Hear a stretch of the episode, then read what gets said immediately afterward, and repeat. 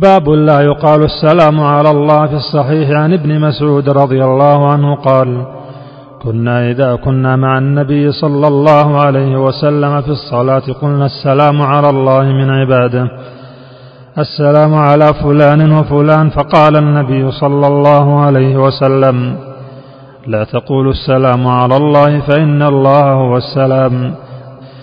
فيه مسائل. الأولى تفسير السلام. الثانية أنه تحيتنا. الثالثة أنها لا تصلح لله.